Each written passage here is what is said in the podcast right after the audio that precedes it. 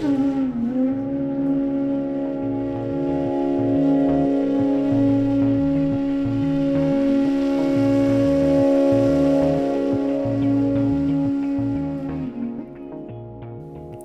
odur ki, söhbət odur ki, bu əslində bizim hər birimizin həyatında belə bir şey var. Ona görə mənə çox xoşuma gəldi bu sual. Sual odur ki, belə bir valideynin var hansı ki, həmişə dərd çəkir, narahat olur, üzüntü yaşayır. Yəni gözlərinə baxırsan, gözlərindən kədər axır. Yəni adam baxır, baxanda ürəyi parçalanır. Belə bir valideynin var, anam və yaxud da atam. Necə eləyək ki, necə eləyim ki, deyir, nə qədər meditasiya eləsəm də özümü qoruya bil bilmədiyimi görürəm.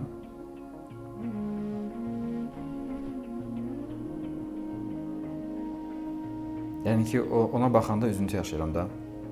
Üzülürəm hər dəfə. O kədərlənir, mən də kədərlənirəm. Bundan necə azad olmaq olar?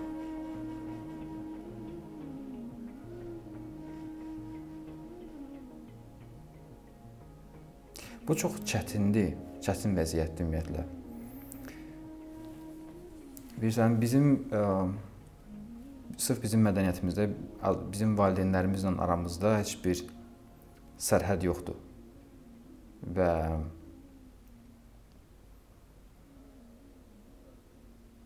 Ya biz sanki hamımız eyni həyatı yaşayırıq.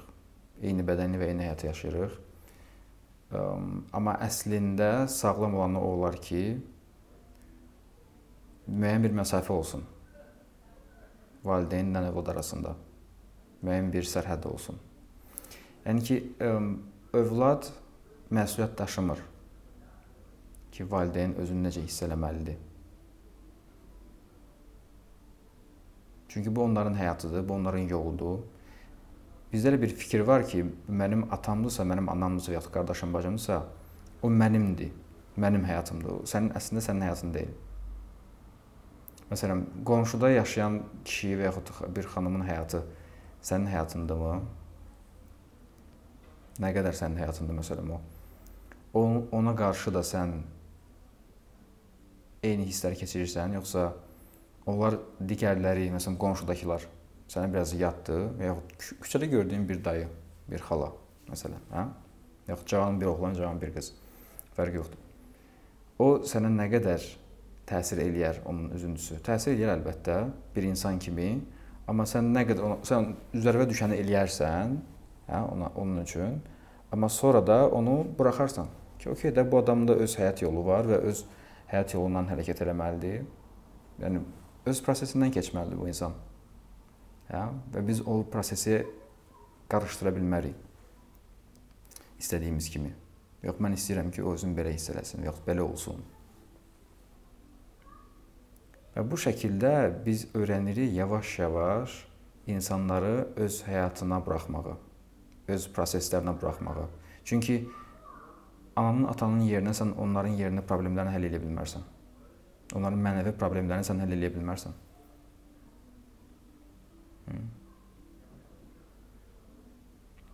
Mən qardaşımın yerinə mənəvi inkişaf keçə bilmərəm də. Qardaşımın yerinə meditasiya edə bilmərəm. Halbuki deyənlər var ki, sən müəyyən prosesdən keçsən, hətta sənin bütün nəslinə, bütün ailənə kömək edir bu. Bütün o o xətt faydalanır bundan. Onu deyənlər var. Amma bunu kim ölçə bilər? Bu deyirlər hələ ki ancaq. Və bunu ölçmək mümkün deyil. Ona görə bu əlbəttə ki bonus bonus sayıla bilər. Yox ki, güvəndiyim bir adam bunu deyir, o, onun təcrübəsində bu var. Amma ki, ə, bu sadəcə olaraq bir bonus tərəki. Hə? Amma ki, real olan odur ki, mən qardaşımın, bacımın yerinə, atamın, atamın, anamın yerinə meditasiya edə bilmirəm, mənəvi problemlərimi, problemlərimi həll edə bilmirəm, psixoloji problemlərimi həll edə bilmirəm. Mən kömək edə bilərəm istəsələr. Biz bir dəfə Gürcüstanda yığılmışdıq ailəmlə və orada atam mənə gəldi dedi ki, gəl bir yerdə meditasiya edək. Bizə də öyrət, bizə də göstər nə isə, hə? Məni bu çox təəccübləndirdi. Çünki atam Azərbaycanlıdır, Azərbaycanda böyüyüb, Montində, Montin uşağıdır. Yəni SSR Sovet vaxtı böyüyüb və s. Yəni belə bir adamdır. Hansı ki deyir ki, gəl bir yerdə meditasiya eləyə. Bu mənim üçün belə şok idi. Günel deyir qonşumdur ki, sən də Montində qalırsan Günel. Nərimanov parkın yanında qalırıq biz. Qalırdıq. Mən qalırdım, onlar hələ də qalırlar. Mən indi Lissabonda qalıram. Köçmüşəm bura.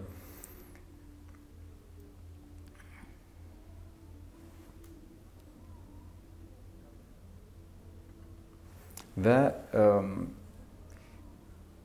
bu sərhəd, məsələn, bu Gestalt terapiyasında mənim bir rəfiqəm var, o Gestalt terapistdir. Onunla biz çox vaxt bu mövzuları danışırıq. Çünki Azərbaycandan çox vaxt problemlər sırf, yəni onun danışdığı adamlarla problemlər çox vaxt ailə ilə əlaqəli olur.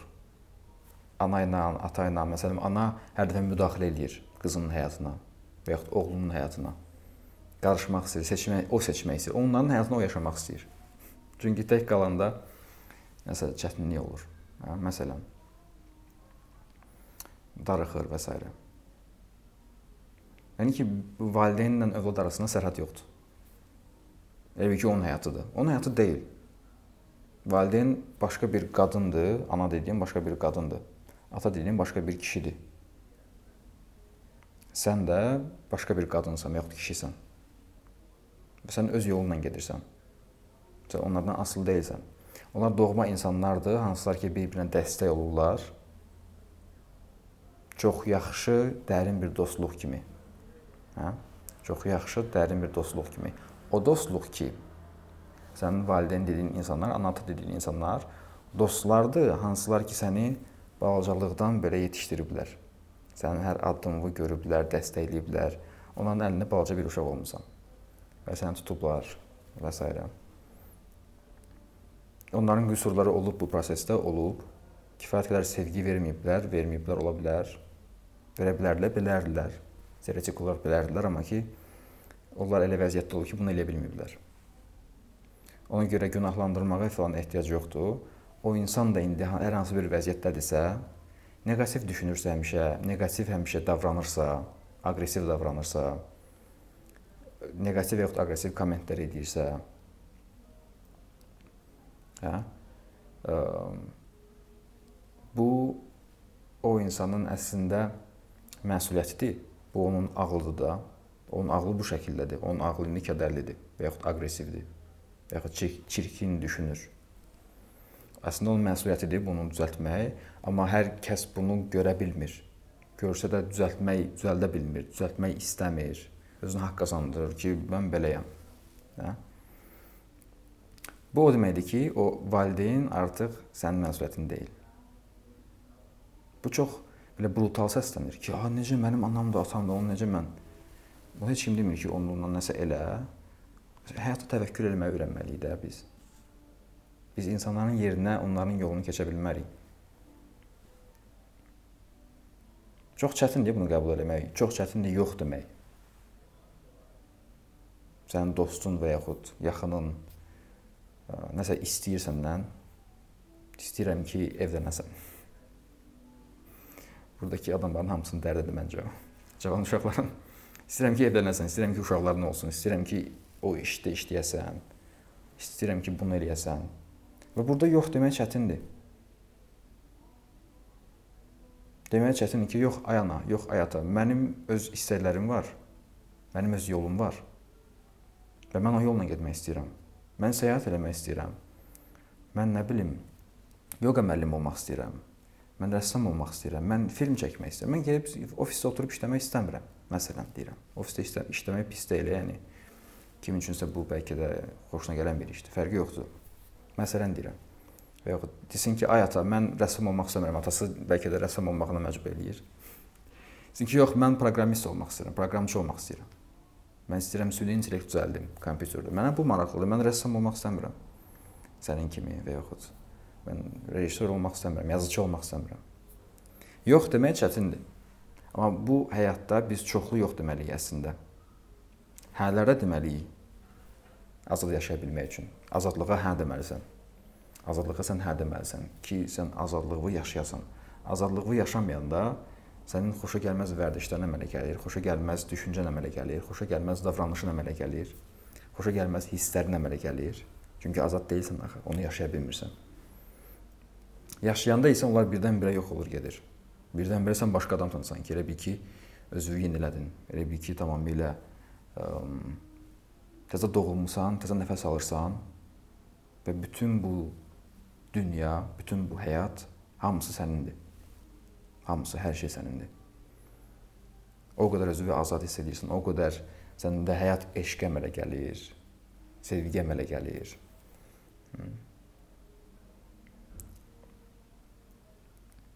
Və bunun üçün gərək yox deyəsən nəyəsə, hə deyəsən başqa bir şeyə. Bu vəziyyətdə yox deyirsən ə, ananın yerinə üzülməyə. Kimsə kədərlidir, mənim dostum kədərlidir və o kədərdən çıxmaq istəmir. Məsələn, o kədərlidirsə, bu müəyyən qədər mənim də məsuliyyətimdir əslində. O mənimdir ki, mən üzərimə düşəni eləyim. Ondan danışım. O problemi həll etməyə çalışım. Ya. Və mən ə, bunu eləyirəm. Görürəm ki, bu adam bu problemi həll etmək istəmir. Üzülür, kədərlidir, depressivdir və deyir ki, yox, mənasızdır hər şey. Məsələn deyirəm. Üzülür və mən bilirəm ki, bilirəm ki, müəyyən cür eləsə o kömək alacaq ona. Vermək istəyirəm ona, yox kömək eləmək istəyirəm. Kömək qəbul edirsən ki, amma yenə də öz dramasını yaşamağa davam edir. Yəni bu adam görürəm ki, drama içində qalmaq istəyir hələ ki. Hələ ki oradan çıxmaq istəmir onun ağlı. Həll yolu axtarmır, sadəcə olaraq onun kədərindən şərik axtarır.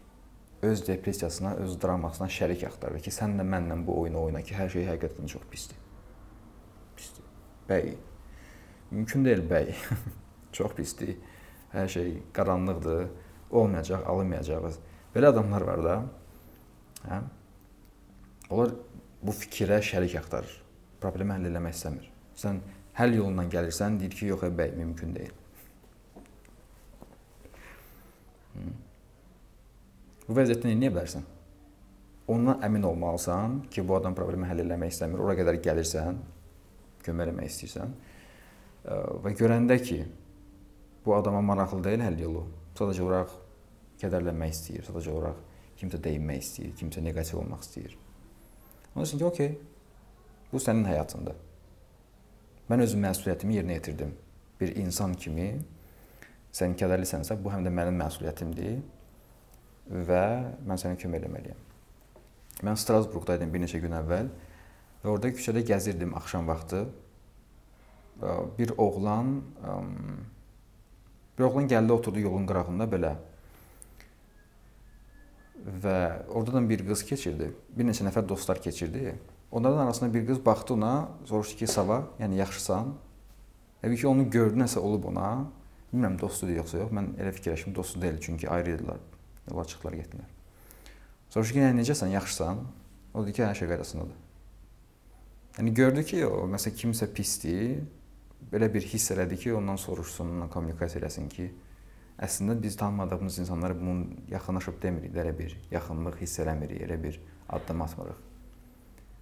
Bunu görmək çox gözəl idi. Yəni ki, bu şəkildə o onun məsuliyyət məsuliyyət hiss elədi də o ki, o da mənim insanımdır.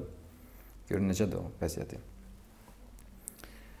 Valideynlərlə də eyni şəkildədir, doğmalarla da eyni şəkildədir, dostlarla da eyni şəkildədir. Onu eləyirsən, görəndə ki, o o əl gəlmir sənə, ki, hə, çıxart məni burdan. Və yoxsa o sənə əksinə dartmaq istəyir ora, ki, yox, sən də gəl bura.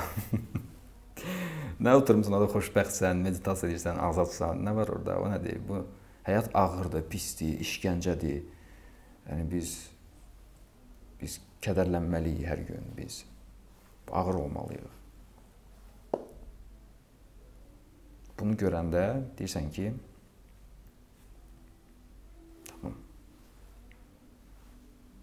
Sən sən səni öz yoluna təvəkkül edirəm.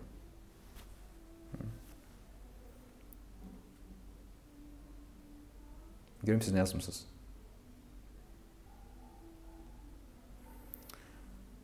Ana nəvə istəyir, əl çəkmir, deyir nə vaxt nə nə olacam. Hə, bütün analar nə olmaq istəyir. Hamısı yox. Bəziləri deyir ki, məni nənə eləsən öldürərəm səni, çünki mən hələ gənc qalmaq istəyirəm. mən özümə nənə də dizdirə bilmərəm insanlara. Eyni problemi yaşayıram. Psixoloqum tövsiyə edib ki, özümə ev üzrə daha çox məsuliyyət götürüm ki, artıq mənə bir uşaq kimi baxmasınlar, yavaş-yavaş alınır düzəlir, görürəm. Bu məsələdə məncə Azərbaycanda ayrı yaşamaq bilirəm çətindir. Bilirəm mən indi oğlanam, mənim üçün daha asandır bu şeylərə evdən. Mən hamı üçün yox, amma ki qadınlar üçün biraz daha çətin ola bilər ki, ay qız necə yəni ayrı yaşamaq filan. Otu oturduğun yerdə filan belə reaksiya verirlər, amma ki əslində çoxdur indi yaşayanlar. Yəni bu çox kömək eləyər yəni ayrılmaq üçün biraz müəyyən bir ayrılıq olmalıdır. İndividuallaşmaq üçün ilk öncə bu sərhədlər çəkilməlidir valideynlə övlad arasında. Başqa və yaxud dostlar arasında çox yaxınsızsa sərhəd çəkilməli ki, sən individuum ola biləsən, yetişəsən və biləsən ki, nəyi sən istəyirsən, nə, nəyi istəmirsən, nə sənə uyğundur sənin yolunda, nə sənə uyğun deyil. İlk öncə sərhədlər çəkirsən evdən çıxırsan, başqa evdə yaşayırsan, başqa işin var. Artıq görsən sən o insanları daha az görürsən. Daha az təmas edirsən. Onlar başlayırlar öz həyatlarını yaşamağa. Evdə çünki sən olanda onlar elə bil ki, sənin elə bil ki, uşaq bağçasıdır. Onlar sənin hər şeyini kontrol edirlər ki, sən niyə bunu yemədin? Get nə bilim onu ye. Get buranı təmizlə, evi yığışdır, nə bilim. Valideyn və uşaq olur da. Sən hələ də balaca uşaq olursan orada. Evdən çıxanda isə sən artıq böyüdün, yetişdin və oradan çıxdın. Yəni sən artıq fərd, fərdləşirsən. Fərdləşirsən, böyüyürsən, mənəvi olaraq inkişaf edirsən və ondan sonra o inkişaf baş verəndən sonra sən yenidən birləşə bilərsən. Onu istədiyin üçün. Çünki birləşə bilərsən ona görə yox ki, sən ə, geriyə gedirsən gəldiyin yerə. Yox. Əksinə sən o qədər böyüyürsən ki, sən valideynləri də, dostları da, hər bir şeyi özündə sığdıra bilirsən. O qədər belə hiss edirsən. Bu daha belə yüksək səviyyəli inkişaflar mərhələləridir. Amma ki, hər birimizin yolu ora gedir. Ki, sən o qədər geniş olasan, o qədər böyük olasan, o qədər bütün həyat olasan. Ki, bütün insanlar sənə aiddir. Təkcə valideynlər, qardaş, bacı, dostlar yox. Hər bir insan, bütün insanlar, bütün canlılar bütün binalar, hər yer, hamısı sənindir. Yəni, belə hiss eləsən, sən həyatı belə gəzsən şəhərdə ki, hamısı, bütün şəhər sənindir. Bütün ölkə sənindir, bütün insanlar hamısı sənindir. Marşrutlar hamısı sənindir. Cipllər də sənindir. Burada biraz ehtiyatlı olama, gələcəm adam maşınını oxramayasan. ki mənimdir bu. Fərdi can dedi ki, sənindir, sənindir. Mən də girim, yaşayım bu evdə.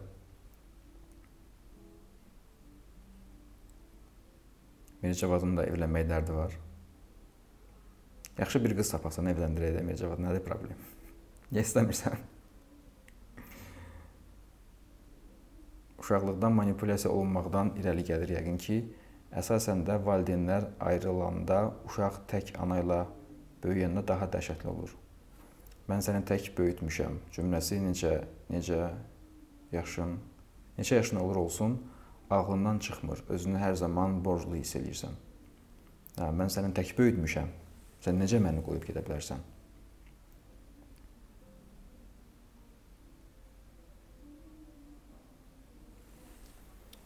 Bu çətindir və bəzilərin üçün bəlkə də mənim dediklərim çox ə, qəbul olunmazdı, çox anlaşılmazdı və ə, çox qəribə ola bilər. Amma ki, Mən səni böyütmüşəm. Tək böyütmüşəm. Ki sən həmişə mənim dizimin dibində olasan. Ki mən istədiyim kimi yaşayasan. Mən istədiyim adam olasan. Yəni görürsən ki, bu əslində bu cür valideyn həqiqi valideynlik eləmir.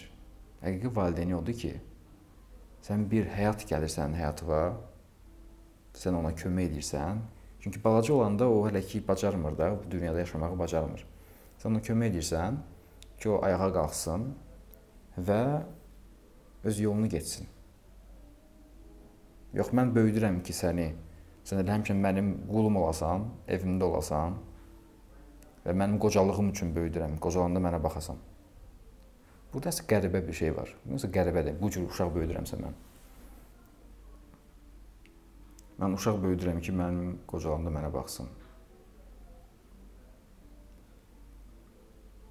Çox dərin oturmuş bir fikirdir. Yəni bir nəfər də mənə demişdi, yəni bunu ki, mən öz qocalığımı düşünürəm. Yəni uşaq istəyirəm çünki öz qocalığımı düşünürəm.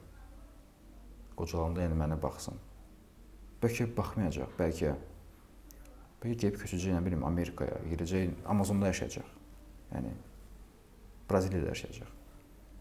Onun haqqı deyil bu dünyada yaşamaq, ancaq girib o qəsəbədə, kənddə və yaxud şəhərdə yaşamalıdır. Burada qəribəlik var, görürsən? Valideyn uşaq valideyninə heç bir şey borclu deyil. Heç bir şey borclu deyil. Uşaq hədiyyədir valideynə. Hədiyyə kimi gəlir onun həyatına ki, o da bir şey öyrənsin həyatdan. Yeni bir həyat necədir onu görsün, şahid olsun ki, ayda bu uşaq necə təcrübə edir həyatı. Belə həmişə üzü gülür və yaxud sevinclidir. Ha, bütün uşaqlar yox. Çoxsu. Hə? Hər şeyə sevinir, hər yeri belə həvəslidir və s. Ondan öyrənsin. Bu həyatın hədiyyəsidir valideynə. Da o uşaq borcla yükləmək ki, sən həkim olacaqsan, bunu edəcəksən, biznesmen olacaqsan. Burada qəribəlik var. Bu it's not fair. Bu ədalətli deyil uşağa qarşı.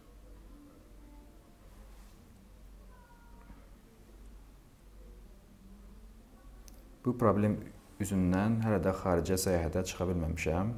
Sözünü deyəndə də olursan nankör evlad. Və bunlar dramanın bir hissəsidir. Ağılda drama yaratmaq xüsusiyyəti var. Orda o özü bir rol oynayır, ana rolu. Ana bir roldur. Hə?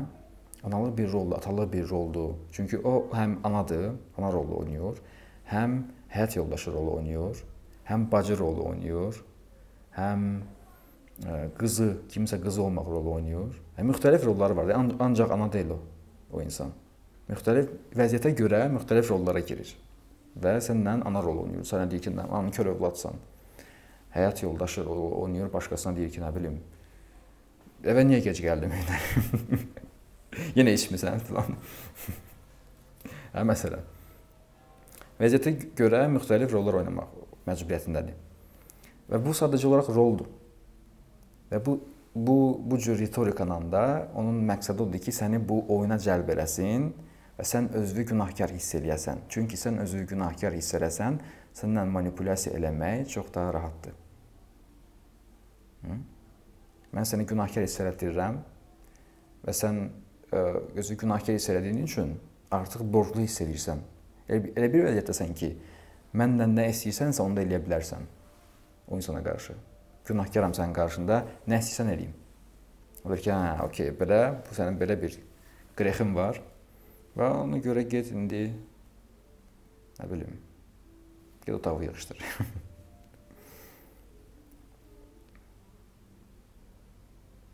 Salam, mənim 16 yaşım var. Artıq 1 ildən sonra universitetə qəbul olacağam. Mən özüm müəllim olmaq istəyirəm, ancaq valideynlərim başqa ixtisası istəyir. Çünki bizim nəslimiz də ata tərəfdə artıq 3 qohumumuz universitetə girib, hamısı da 500-600 arası bal yığıb. Sən müəllim olmaq istəyirsən, onlar isə başqa bir ixtisas istəyirlər. Deyirlər ki, sən də nə bilim iqtisadiyyata ver, nə bilim belə-belə daha çox atam deyir bu fikri. İqtisadiyyata. Mən gözlədim həkim deyəcəklər. Həkim ya nə bilim mühəndis filan. Düzdür, mühəndis Bakıda, Azərbaycanda şey biraz çətindir. Hansı ixtisas özün istəyirsənsə, onun arxasınca get. Mən də iqtisadiyyat fason bir şey oxumuşam. Demək olar iqtisadiyyat idi. İqtisadiyyat yox, biznes və idarə etmə Türkiyədə oxuyanda. Və mənə sonradan çatdı ki, mən bunu niyə seçmişəm? Ümumiyyətlə mənim o vaxt ağlıma gəlmirdi digər şeylər. heç bir fikrim yox idi da. Yəni 17 yaşında uşaq idim. 16 17 yaşında. Heç bir ağlıma fikir gəlmir ki, burada kino çəkmək var. Burada nə bilim, ə, rəssam olmaq var, yazıçı olmaq var. O qədər gözəl belə şeylər var da, məşğuliyyətlər var, hansını ki, həyatına verə bilərsən gəncliyindən öyrənə bilərsən bütün bunları. Həm onların heç birini öyrənmirdim. Mən getdim oldu nə bilim, biznes idarə etmək filandan. Maraqsız bir şey. Heç bir də sənə lazım olmur işdə. İşin ayrıca bir illəri lazımdır. Yəni bitirmədim o institutda onsuz da. Çünki maraqsız idi. Ona görə bitirmədim. Və ona görə də sənə lazım olmayan bir ixtisas oxuyursansa, onu bitirməmək bir təhlükəsi var. Çünki sən bitirsən də deyirsən ki, mən bunu istəmirəm artıq. Dəqiq bilirsən sən nə istəyirsən, bu əladır, onun arxasınca get. Çünki peşman olmayacaqsan. Və uzaq başda bir şey olsa dəyişə bilərsən peşəni. Yəni gənc adamsan, 16 yaşın var sənin. 16 yaşın var. sən 3 dənə peşə dəyişə bilərsən hələ. Ona görə narahat olma. Hal-hazırda ayrı yaşamağa qərar versəm daha çox dava qırğın çıxar. Axşam evdə görəndə də onlara demək olar uşaq yerinə qoy uşaq yerinə qoyuluram.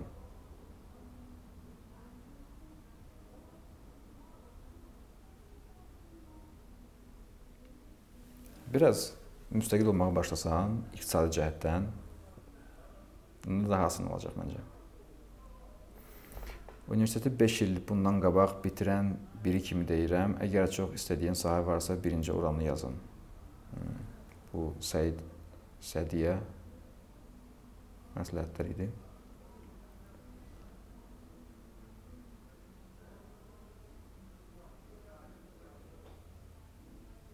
İstənilən bir vəziyyətdə valideynlərin üzərimizə yüklədiyi məsuliyyət çox yorucudur.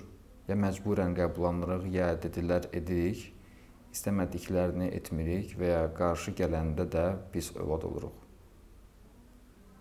Ona görə də bu yaşıma qədər istədiyim heç bir yerə səyahət edə bilməmişəm. İstədiyim həyatı qura bilməmişəm. Bu barədə düşünmək belə sadəcə məni kədərləndirir. Hələ gec deyil. Gəncsən sən də. Burada ancaq gənclər yığışır. sən də gəncsən. Gec deyil. İndidən eləyə bilərsən bunu. Yox deməyə başlamalısan nələrsə və nədənsə hə deməyə başlamalısan. Qalanı düzələcək. Yəni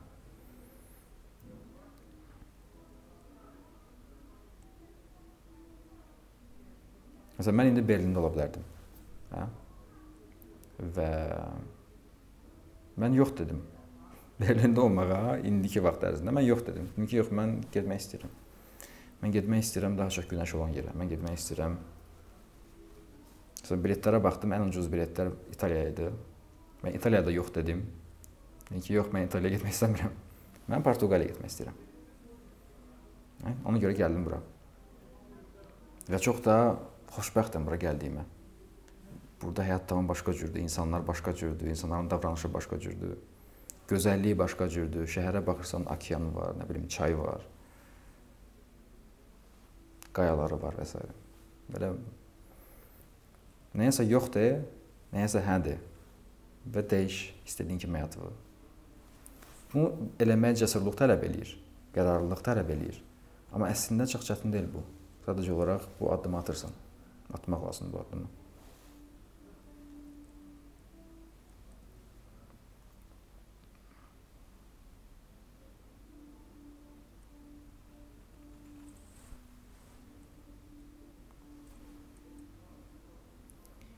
Bizdə sosial çarə sistem də yerində deyil. Bizim kimi cəmiyyətlər individualizm üzərində qurulmayıb. Yaşlılar maddi cəhətdən də uşaqlarından asılı olurlar və s. Sən burada artıq ə, vəziyyətə görə də məsələn mənim ə, yaşlı deyək ki, məsələn mənim yaşlı valideynlərim var və deyək ki, onlar kənddə yaşayır Kənddə yox, kənddə çox vaxt sən ac qalmırsan da həmişə. Nə inəyin olur, südün, yağın, pendirin, pomidorun, xiyar, hər şeyin olur əslində kənddə olanda. Şəhərdə, hə, şəhərdəkilər acından ölür. ki, valideynlərim şəhərdə yaşayır, ikisi də yaşlıdır. və pensiya nə bilim 150 manat və yaxud heç pensiya almırlar. Deyək ki, heç nələri yoxdur. Kubada yaşayıram. Bəlkə Kubada daha yaxşıdır vəziyyət bilmirəm. Kasıb bir ölkədə yaşayıram, valideynlərim bu vəziyyətdədir. Xəstədirlər məsələn. Mən mən də deyirəm ki, mən yox, mən gedirəm Portuqaliyaya. yox deyirəm, fərdi can deyir ki, yox de. hə deyir Portuqaliya və s. Bu əlbəttə ki, məntiqsiz bir şeydir. Burada bu qər bu qəribədir, yəni ki, kiminsə ehtiyacı var və səndən başqa heç kim yoxdur. Səndən başqa heç kim yoxdur. Yəni bir dənə sənsən. Orda artıq sən deyirsən ki, okey, mən bu adama gərək baxım da. Və o ona o ona baxmaqda, ona kömək eləməkdə, onun yanında olmaqda sən başqa cür inkişaf edirsən. Mənəvi olaraq başqa bir başqa başqa tamam başqa cür səviyyədə inkişaf edirsən. Sırf onu öz rolunu qəbullanaraq və orada iştirak edərək. Bir də var ki, sənin valideynin nə xəstədir, nə kasıbdır. Hər şey qaydasında öz həyatını yaşayır. Sadəcə olaraq deyir ki, sən o ipi bağlı boğazı var. O birisi tərəfində ver mənə. Otur indi burada. Bundan danışıram mən, yəni. Belə bir münasibət varsa ki, yox, nə səyahət, hara səyahət? hara oxumağa getmək. Sən qız uşağısan, yaxud sən oğlansan, səni evləndirəcəm mən. Yəni sənin həyatını belə saxlayıb iplərin əlində. Bundan danışırıq. Digər halda əlbəttə ki, ehtiyacı varsa gərək kömək edəsən də. Yəni bu bundan normal bir şey yoxdur. Bu çox gözəl bir şeydir. Yəni bu şəkildə kömək etmək.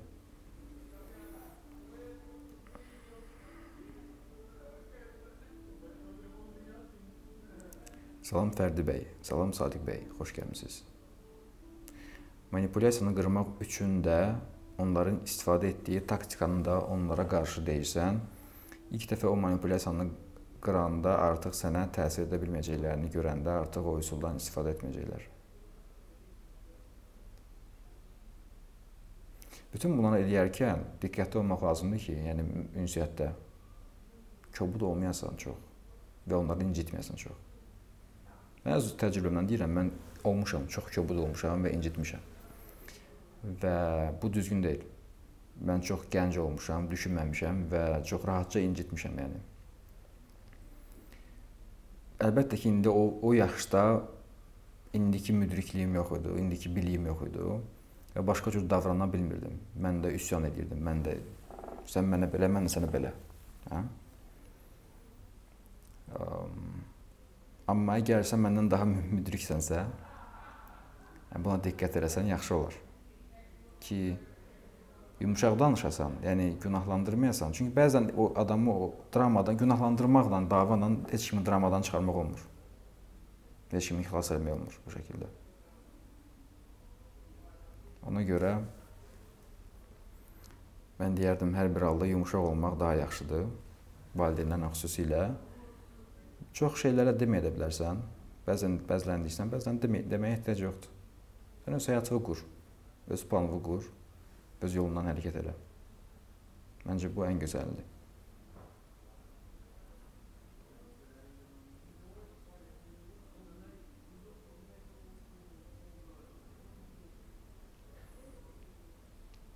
Bunun ən birinci addımı mən belə düşünürəm ki, beyindəki qorxulardan, günahkarlıq hissindən azad olmalısan özün özünü beynində o asılılıqdan azad edəndə artıq fiziki də bunu edə bilirsən. O dramadan azad olmaq lazımdır. Gərək heç kimin dramasında iştirak eləməyəsən, heç kimin dramasında. Bu müxtəlif vəziyyətlərdə olur. Bu valideyn övlad draması olur. Bu sevgililər draması olur. Bir tərəf o birisini günahlandırır. Sən bunu elədin, bunu elədin, bax bunu elədin. Ağlayır filan ki, günahlandırır və yaxud və yaxud nə bilim erkək tərəfi iki tərəfi, erkək tərəfi başlayır öz üsullarından istifadə etməyə. Sən sən bunu elədin, bu bu bu cür geyindin və yaxud özü bu cür apardın, bərkdən güldün, sən qadınsan, sən beləsən. İki tərəfin ikisinin drama draması budur. Yəni və bu dramalar Azərbaycanda aşağı-yuxarı eyni damıda. Hamımızın beyninə onu yazıblar ki, sən bu cür davranmalısan, sən bu cür reaksiya verməlisən. Və gərək biz bu dramanı tanıyaq. Tanıyanda tanıyıb onu ona gülək ki, ayda bu nə vəziyyətdə mən düşmüşəm. Bu nə fikirlərdir, bu nə davranışdır. Yəni bu mən deyiləm. Mən o mən deyiləm. Başqasının reaksiyalarıdır. Əzbərləmişəm, təkrarlayıram. Bu nədir? Hə? Bu şəkildə sən bunu görsən, bu dramanı tanısan, artıq sən sənin reaksiyaların tamamilə fərqli səviyyədə olacaq. Sən ondan asılı olacaqsan bu söhbətdən. Və başqasının da dramasında iştirak eləməkdən imtina edəcəksən. Kimsəni günahlandırır. Deyirsən ki, yox. Mən bu günahı qəbul eləmirəm. Nə baş versə baş verib, çünki başqa cür mümkün deyildi. Xətirvə dəymişəmsə, nəsə olubsa üzr istəyirəm, amma ki, mən günahkar deyiləm. Böyük bir yox, böyük bir yox çəkməlisən, sərhəd çəkməlisən ki, yox. bu qədər yetər.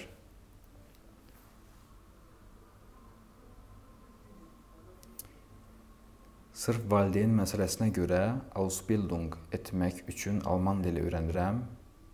Fərdican, mən Almaniyaya gələcəkdim ki, səni görüm.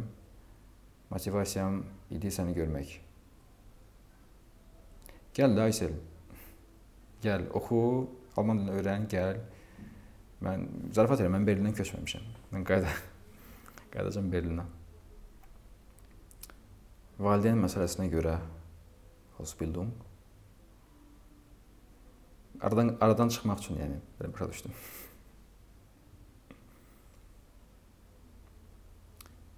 Mənə məqsədsiz şəkildə universitetə sənəd verdim. Mən məqsədsiz şəkildə universitetə sənəd verdim. Belə ki, təsadüfi musiqi müəllimliyi ixtisasına qəbul oldum. Musiqi müəllimliyi. Lakin hələ də tam nə istədiyimi bilmirəm. Hansı peşə mənə uyğundur, nə də nə də özümü yaxşı göstərə bilərəm bilmirəm. Səyahətlər etmək istəyirəm, ancaq oxuduğum sahə buna imkan vermir. Birazdan, biraz da hər şeyin tez olmasını istəyirəm deyəsən.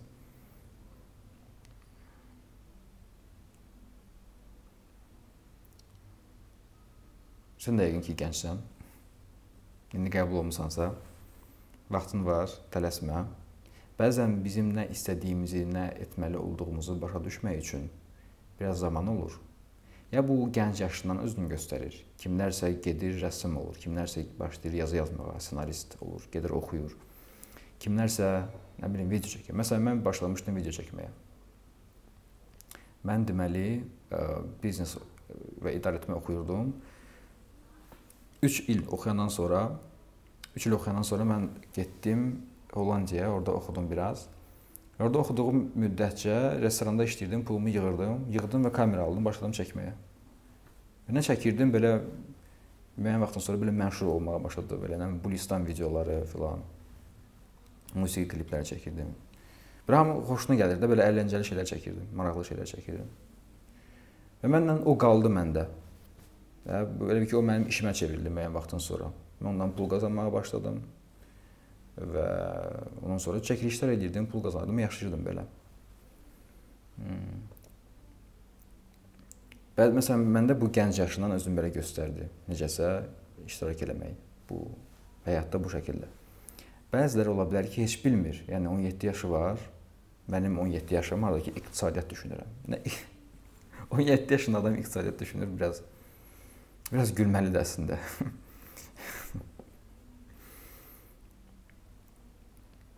Əgər o dahi iqtisadiyyatçı olasan, o şəkildə düşünən birisi, yəni ki, yox mən bilirəm nə istəyirəm. Digərləri bekarçılıqdan iqtisadiyyat istəyir. Çünki başqa variantları bilmir, tanımır, görməyib həyatı. Xəbəri yoxdur nə var, nə yox. Mən təklif eləyərdim ki, kitab oxuyasan. Nə bilim, filmlərə baxasan, səyahət eləyəsən, görəsən nə var, insanlarla tanış olsan, fərqli insanlarla görəsən, get onların işinə. Bax gör onlar necə işləyirlər, nə edirlər. Cürbəcür insanların işinə gir bax. Biri sənə xoşuna gələcək, biri səni çəkəcək. Bir e, bizim bir qohumumuz var idi, onun iş yoldaşı vardı, ingilis idi. Onunla mən uşaq idim vaxt məktəbdə oxuyanda. Məni gətirdirmişdilər ki, sən ingiliscə bilirsən, öyrənirsən məktəbdə, danış bu ilə. Nəsə mən bu ilə söhbət edirəm. O da deyir ki, ə,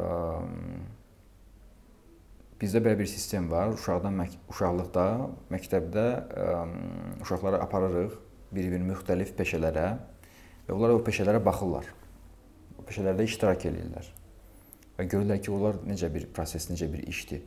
Və onları görürlər, görə-görə müxtəlif peşələri, onlarda bir hissiyat yaranır ki, yox, okey, bunu istəmirəm, bunu istəmirəm, bunu istəmirəm. Bu nəsə maraqlıdır, bununla özümü sınaya bilərəm. Və yaxud kimsə dəqiq bilir ki, mən bu mən bunu istəyirəm. Ona görə görməlisən biraz. Yəni sən oturduğun yerdə otağından çıxmadan belə fikirləşərək, fikirlərin içində itərək tapa bilməyəcəksən nə istəyirsən. Tapa bilməyəcəksən nə işi görməlisən. Onu tapmaq üçün gərək başından çıxasan, otağından çıxasan, evindən çıxasan, təmas edəsən dünya ilə, insanlarla. Bu dünya haqqında realistik bir baxışın olsun gərək. Ki bu dünyada ümumiyyətlə nə lazımdır, nə etmək lazımdır? Okey sən bir şey istəyə bilərsən, amma bəlkə də ona tələbat yoxdur. Mən deyirəm ki, məsələn mən kino, mən rejissor olacağam, kino çəkəcəm. Amma ki, dünyanın vəziyyəti hamı acından ölür. Bu, bu vəziyyətdə nə kino? Qardaş, bu vəziyyətdə o işi görmək, o problemi həll etmək lazımdır. Ya sən nə edirsən, problemi həll edirsən. Hə? Bu şəkildə baxsan, əslində doğru olan işi görürsən. Nə işi görmək lazımdırsa, onu görməyə başlayırsan.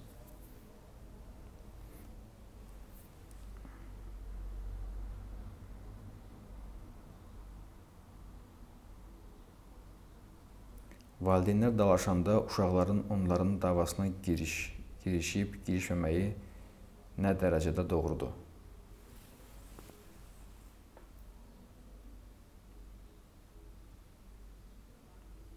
Bu barədə mənim çox təcrübəm yoxdur, düzünü desəm. Və mən təsəvvür edə bilmirəm hansı səviyyədə o dava. Bəzən olur ki, kimsə bir söz deyir, yəni neqativ bir söz belə xətrinə falan. Bir də var ki, əməlli başlı qışqırmaq, bağırmaq, əməlli başlı belə bir dava, yəni səhnədə belə isterik səhnələr baş verir.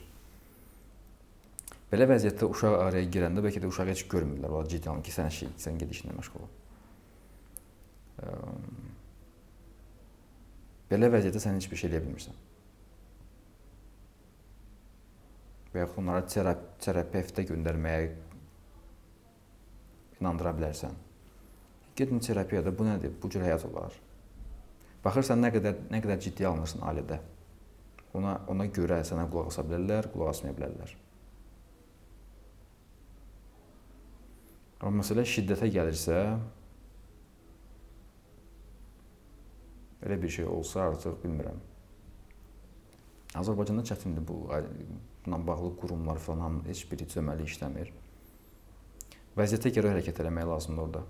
Yəni ona görə dəqiq bir şey də demək olmur.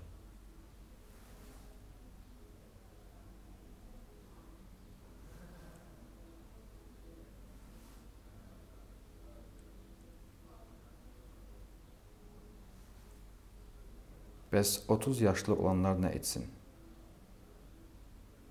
Şəllənsinlər. Gəlsinlər, həyatlarını yaşasınlar. Yəni mənim də 30 yaşım var. Dediyimi eləyirəm.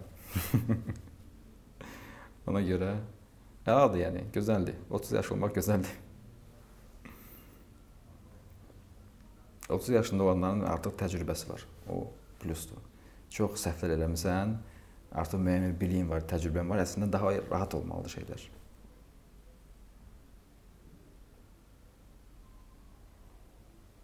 Bəli, 18 yaşındayam. Film izləməyi. Nə gözəl gənc-gənc adamlar yığılıb bura. 18 yaşındayam. Film izləməyi, kitab oxumağı çox sevirəm. Səyahət etməyi də sevirəm. Sevirəm yəqin ki. Dediyiniz kimi evdən çıxmaq lazımdır. Xüsusilə də incəsənət sahəsində bacarığım var. Bir tək səyahətə çıxmağın yollarını tapmalıyam. İncəsənətə marağın varsa, incəsənət o adamların kitablarını oxuya bilərsən. Ki, onlar necə düşünüblər, bax, gör. Məsələn, Kandinskinin kitabını oxu məsələn, yazıb adam. Məsələn, ona görə incəsənət adamı necə olmalıdır, necə baxmalı, necə düşünməli, necə hiss etməlidir və s. Bəlkə də indi 18 yaşında biraz ağır gələr. Desə ki, bu mən bu mənlik deyil də. Amma ki, incəsənətlə başlayaraq çox maraqlı layihələr etmək olar. Əyləncəli, vəziyyətə uyğun, yaşadığın yerdəki vəziyyətə uyğun. Bu da sənə stimul olar. Motivasiya olar ki, insanlar da iştirak edir, maraqlıdır. Başqalarla əməkdaşlıq edə bilərsən məsələn bir layihədə. Yəni müxtəlif layihələr eləməyə çalış, müxtəlif layihələr, daimi şəkildə layihələr elə. İnsanlarla, başqalarla bir yerdə. Bu sənə çox şey qatacaq, çox kömək edəcək.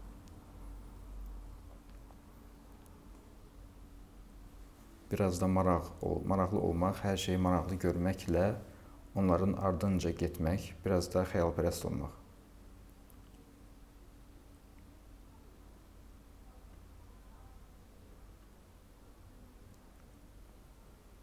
Bəli. Xəyalpərəst mən idi.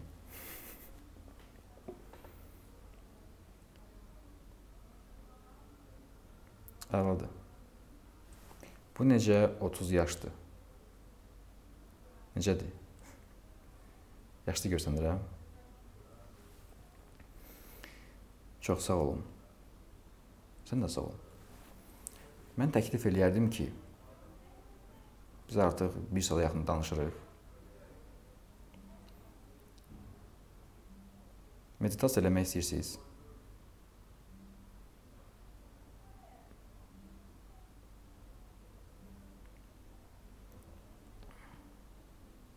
Gözəl yazıb yox, əksinə. Cavan göstərirəm, çox sağ ol.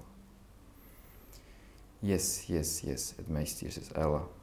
Çünki mən bəzən meditasiyaya başlayıram, görürəm bir-bir adamlar çıxır. Qaçırlar. Başa düşmürəm, bura meditasiya gəlirlər, yoxsa ancaq danışmaq, söhbət eləməyə gəlirlər.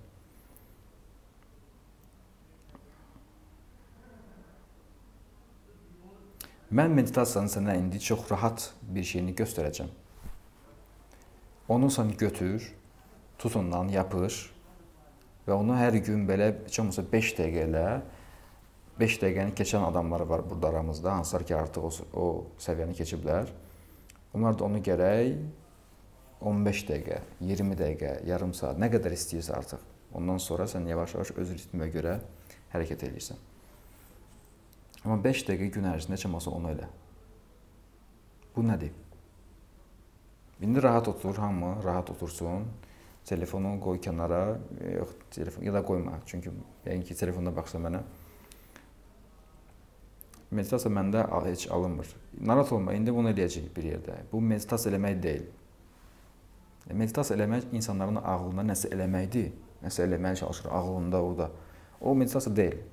O yanlış anlaşılıb o meditasiya. Meditasiya çox gözəl bir yaşamaqdır. Budur meditasiya. Gözəl şəkildə yaşamaq həyatı.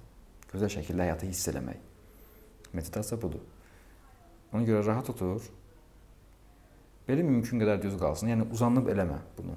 Belə uzanıb belin əyri, belə oturub şeydə ya da bu kreslonun içində belə girmisən onun içinə, ya divanın içinə girmisən, əyilmisən, qalmısan.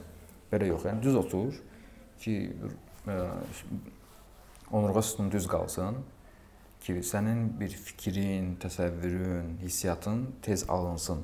Əyri oturanda bunlar alınmır deməli. Düz otur, rahat otur. Özünü çox sıxma, çox rahat. Bədənin çox rahat olsun. Fikir ver məsələn əllərin, ayaqların hamısı belə rahat. Boynun, çiyinlərin, üzün, başın hamısı belə rahat olsun gərək.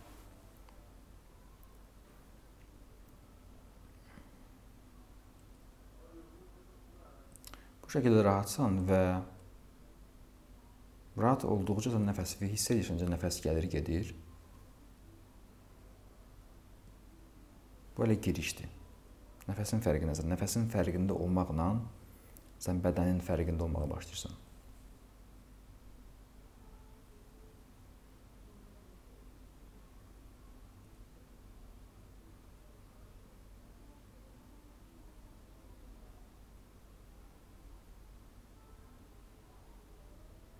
Görürsən necə sakitləşirsən yavaş-yavaş. Nəfəsi dinlədikcə birdən-birə bir sakitlik gəlir. Fikirlər gəlib gedə bilər, problem yoxdur. Sən sadəcə nəfəsin fərqindəsən. Və indi belə bir şey edirik. Daxilən təbəssüm eləmək. Bax gör alınırmı? Kimdə alınmasa mənə sonradan deyə bilər. İndi yox, sonra xəbər eləyərsən ki, məndə alınmadı. Amma ki, sadə bir şeydir. İçəridə bir təbəssüm eləmək. Elə bil ki, çox sevdiyin bir insanı təsəvvür elə, onunla görüşürsən. Dostunla, yaxud sevdiyin bir insanla. Onu görmə, görəndə içəridə nə hiss yaranır səndə? Bir sevinc hissi, bir təbəssüm hissi. Çox zərif, balaca bir təbəssüm içəridə. O təbəssümü elə və o təbəssümü saxla.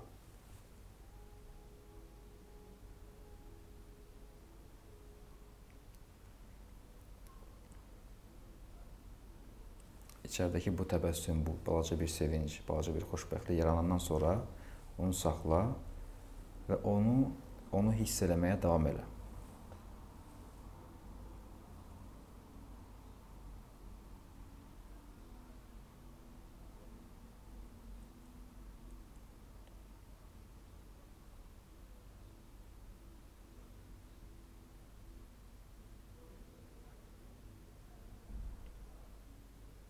Və o təbəssümdə, o sevincdə, o xoşbəxtlikdə rahatlaş.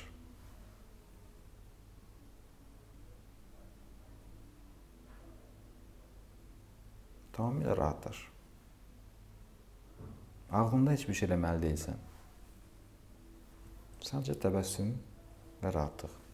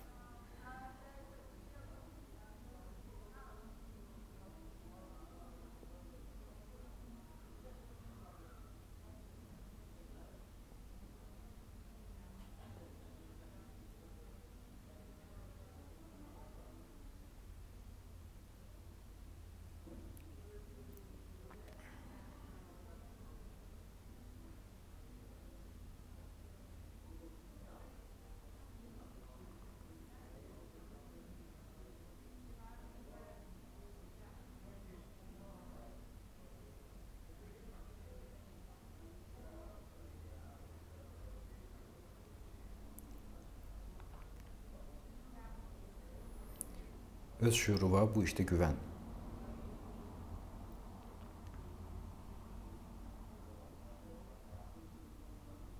Nəsə eləməyə çalışmağa ehtiyac yoxdur.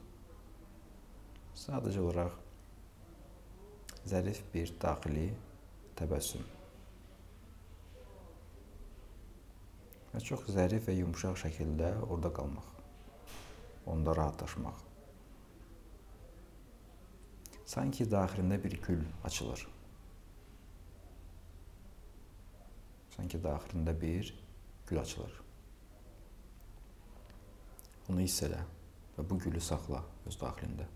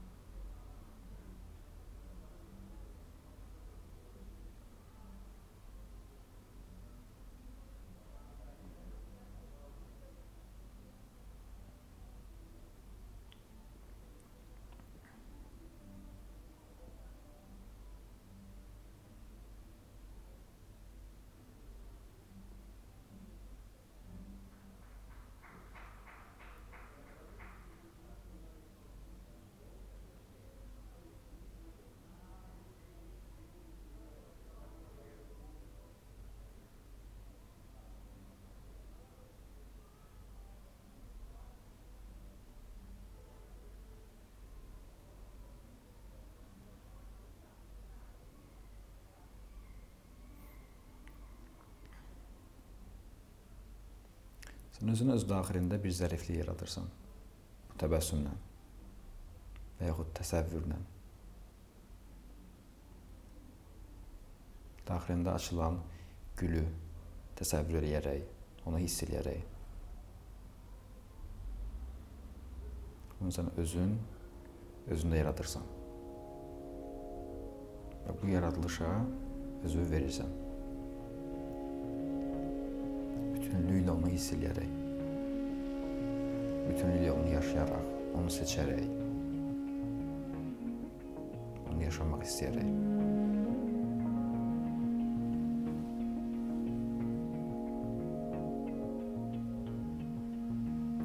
Bu həyatı hiss eləməkdir.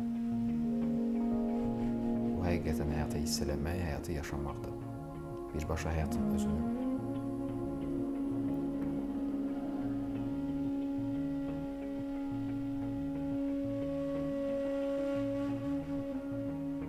Ərzində buna, bu hissə, bu həyatı yaşamağa, onu hiss eləməyə heç olmasa bir 5 dəqiqə vaxt ayır. Sırf diqqət orada saxlamağa. Çətin ola bilər. Diqqət həmişə qaçır, gedir başqa yerə. Buna baxmayaraq, hər dəfə ora gətirsən diqqəti. Hər dəfə onu seçirsən. Seçdiyin üçün sənin həyatında çoxalmağa başlayacaq. Böyüməyə başlayacaq. Səndən diqqət, enerji almağa başlayacaq. O qədər ki, bir gün görəcəksən ki, günün böyük hissəsini bu hissəsən. Özü bu zəriflikdə hiss edirsən. Və bu ondan asılıdır ki, sən nə qədər onu seçirsən